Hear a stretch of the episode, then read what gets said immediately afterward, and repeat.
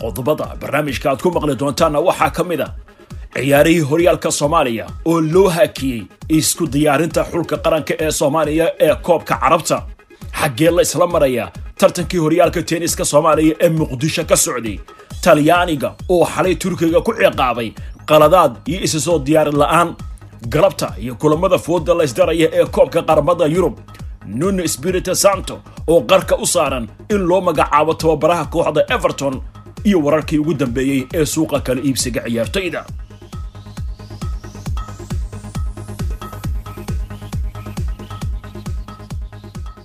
Aan ku horeeye ciyaarihii horyaalka kubadda cagta ee soomaaliya ee ka socday magaalada muqdisho ayaa hakad loo geliyey isku diyaarinta xulka qaranka ee soomaaliya oo isku diyaarinaya ciyaaraha koobka carabta oo lagu qabanayo dalka qatar dhinaca kalena horyaalka tenniska soomaaliya ayaa isaguna si xallad iyo xiise leh uga socda magaalada muqdisho. Arrimahaasi oo dhan ayaan ka waraystay weriye maxamed cumar baakay oo ciyaaraha ka faallooda oo ku sugan magaalada muqdisho. Mawlidow ciyaaraha kubadda cagta horyaalka soomaaliya ayaa la hakiyey wareegiisii labaad oo meel xasaasiya kulul maraya iyadoo kooxda m c c ay ku hogaaminayso sagaal iyo labaatan dhibcood kooxaha horseed iraasin ay leeyihiin min shan iyo labaatan dhibcood sababtoo ah xulka qaranka soomaaliya ayaa isku diyaarinaya ka qaybgalka ciyaaraha world carab cup ee qatar duxa markaa ka dhacaya. Khamiistii kow iyo toban ciyaartooy oo ciyaaraha toyda gudaha soomaaliya ka ciyaara horyaalka ayaa ka dhoofay magaalada muqdisho iyagoo u anbaxay dalka jabuuti halkaas ay ugu tegayaan ilaa iyo labaatameeyo ciyaartooy iyaguna xulka qaranka ka qaybgalaya oo qurba joogta soomaalida ay yihiin. Sida uu u xushay tababaraha reer morocco ee lagu magacaabo salif cabdiladiif oo morocco u dhashay. Halkaa isu diyaarinta ayaa ka muuqanaya awoodda kooxda kubadda cagta qaranka soomaaliya. Toddobiyo tobanka bishan ayayna ka dhoofiyaan dalka jabuuti ciyaartooyda qaranka oo isku duuban ka ciyaaraha soomaaliya oo ay ku aadan tahay ciyaartooyda xul qaranka ee oman. Oo labaatanka bishan ciyaartaasi ay markaa qatar duuxa ay ka dhacayso. Dad badan oo ciyaarahan soomaaliya ka hadlana waxa ay rajeynayaan in ciyaartooyda soomaaliya ay guul wanaagsan ka keeni doonaan marka loo eego awooddii kooxda sida loo loo tababarayo oy omaan ku durdurin doonto mowlid marka waa u tijaabo tababarahan cusub ee saalif cabdildiif oo morocco u dhashay iyo sida loo xulay ciyaartooydan qurba joogta ah iyo ciyaartooyda localka gudaha soomaaliya laga xulay. Awoodooda lagu tilmaamaya inay tahay mid wanaagsan. Guul baana loo rasheynaya ciyaartooyda qaranka soomaaliya ka qaybgalka ciyaaraha world carab cup ee qatar duxa ka dhacaya waayahay baakay markaan taa ka gudubno. Dhinaca kale horyaalkii tenniska ee soomaaliya ee ka socday magaalada muqdisho xaggee la isla marayaa iminka? Waa sida aad sheegtay meel xasaasi ah oo kulul oo dhammaada ayuu marayaa ciyaaraha ku saabsan tenniska.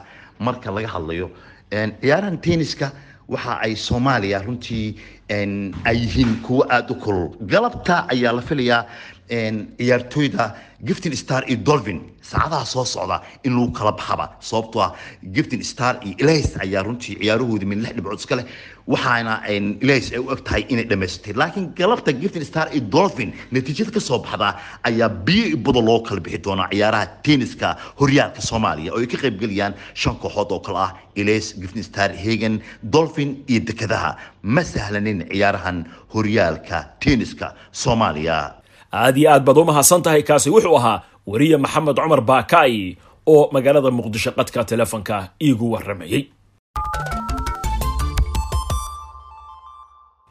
waa hagaag waxaa dalka talyaaniga xalay ka furmay ciyaarihii koobka qaramada yurub iyadoo ciyaartaasina xulka waddanka talyaaniga oo martigelinaya xulka turkiga ay soo bandhigeen wacdaro culus.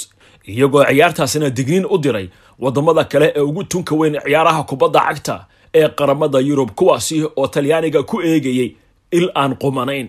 Talyaaniga oo ka haray koobkii adduunka labadii kun iyo sideed iyo tobankii ayaa wixii xilligaasi ka dambeeyey waxa uu noqday koox calan walaynaysa iyadoo aan laga badin toddoba iyo labaatan kulan oo ka horreysay kulankii xalayna. Waxa uu noqonayaa siddeed iyo labaatan kulan taasi oo sidoo kale ka macno ah in sagaal kulan oo xiriir ah xulka talyaanigu ay wada badiyeen iyadoo hal goolna xitaa aan laga dhalin. Ciyaarta ayaa xalay waxay ku bilaabatay dardar iyadoo xulka turkigana ay u muuqdeen kuwa ku soo talagaleen inay difaac galaan oo un gooshooda ay ilaashadaan. Waxaase jirtay in talyaanigu uu isku dayay sidii uu u jebin lahaa derbiga turkigu ay dhisteen.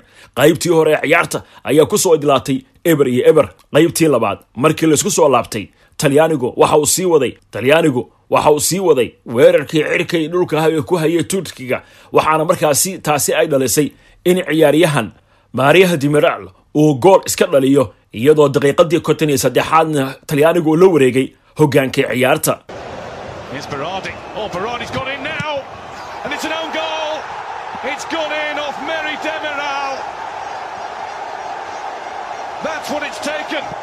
wixii intaa ka dambeeyey turkigu waxay u muuqdeen inay ka niyad jabeen goolkaasi ay iska dhaliyeen kaasi oo ahaa goolkii ugu horreeyey ee ciyaar u ciyaarto iska dhaliyo koobkan euro talyaanigu halkiisii ayuu ka sii waday inuu weerar ku qaado turkiga. Waxaanu ku kuusay gooshooda daqiiqadii lixdan iyo lixaad.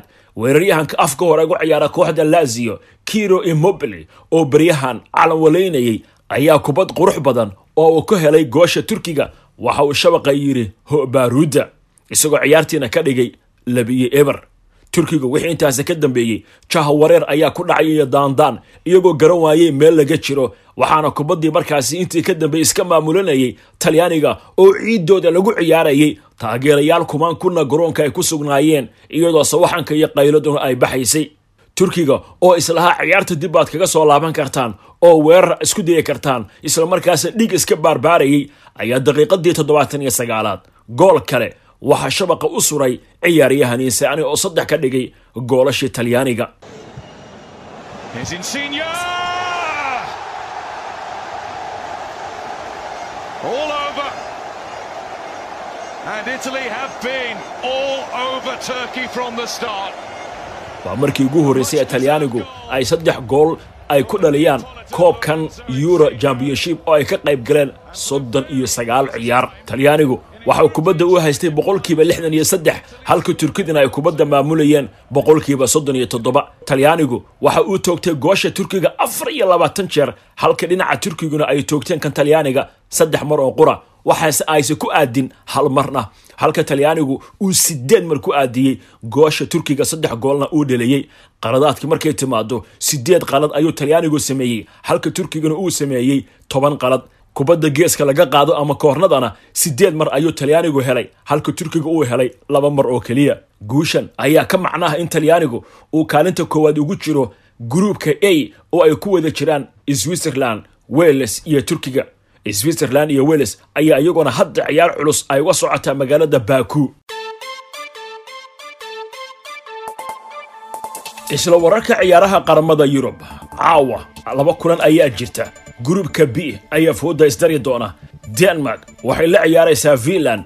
Belgiumna waxa uu marti u yahay rushiya ciyaarta ayaa ka dhacaysa magaalada sentisburg belgium waxaa ciyaartan ka maqan kubadqaabeyaha khadka dhexe kevin de bruin oo dhaawac ah waxaase la filayaa inuu dib u soo laabto kulamada kale ee beljamka ay ku lug leeyihiin. Raashiya qudheeda ciyaartan jug culus ayaa ku dhacday oo waxaa ka maqan kubadqaabeyaha khadka dhexe andrai mustafyof oo isagu la sheegay inuu ku dhacay fayraska covid -19 kulankani waa kii lixaad oo ay iskaga hor yimaadaan beljum iyo rushiya koobabka waaweyn. Waxaase uu noqonayaa markii ugu horreysay ee ay ku kulmaan koobkan dhiiraada qaramada yurub. Belgium oo ahaa waddankii ugu horreeyey ee u soo baxa ciyaarahan qaramada yurub ee euro labada kun iyo labaatanka waa markii saddexaad ee ay ka qayb galayaan ciyaarahan. Horay laba maro isku xigta ayay u soo baxeen waxayna ahayd belgium weligood ma aanay gaarin wareegga afardhamaadka ee ciyaaraha qaramada yurub.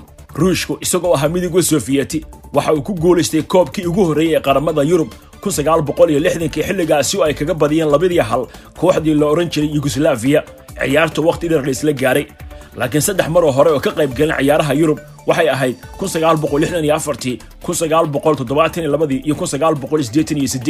waxaana la sheegay in guuldarro ay kala kulmeen. Haddii aynu firin ciyaarta kale ee caawa dhex maraysa finland iyo denmark finland hal mar oo quraha ayay badisay laba iyo labaatan kulan oo ay ka hor timid denmark. Kulamadaasi shan iyo toban ka mida waa laga badiyey lix marna barbardhac ayay gashay ciyaartii ugu dambaysay ay badisay waxay ahayd labadii kun febraayo denmark. Waa markii sagaalaad oo ka qayb gelayso ciyaaraha qaramada yurub. Waase markii ugu horraysay tan iyo labadii kun iyo labiyo tobankii. Xilliyada ugu fiican denmark ka soo gaartay koobkani waxaa ka mid ahaa labadii oo ku guulaysatay iyo labadii kun iyo afartii oo ay gaartay wareegga sideedda laacibka reer denmark christian erikson shan gool ayuu dheliyey koobkan ciyaarihii loogu soo baxayey finland. Waa markii ugu horraysay ay ka qayb gasho koobka qaramada yurub waxaana ay wehelisaa waddanka north macedonia iyagoo ah labada waddan ee ku cusub ka qaybgalka ciyaaraha qaramada yurub. Laakiin ibtilada haysata finland waxay tahay lixdii ciyaar ee ugu dambaysay hal marna ma aanay badin. Dhammaan kulammada afar waa laga bediyey laba marna barbardhac ayaa lagu qabtay. Waa hagaag kooxda everton ee ka dhisan magaalada liverpool tan iyo markii uu ka tegay tababarihii hore carlo angelotti waxay toosh afarqaada ku doondoonayaan tababarihii u bedeli lahaa ninkaasi.